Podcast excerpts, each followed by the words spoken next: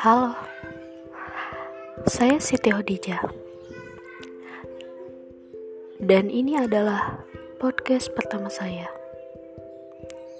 yang berjudul Triple S. Suka-suka saya. Saya pemalas, pemalu, dan hobi tidur. Tapi satu hal yang saya percaya, asal ada kemauan, pasti ada jalan.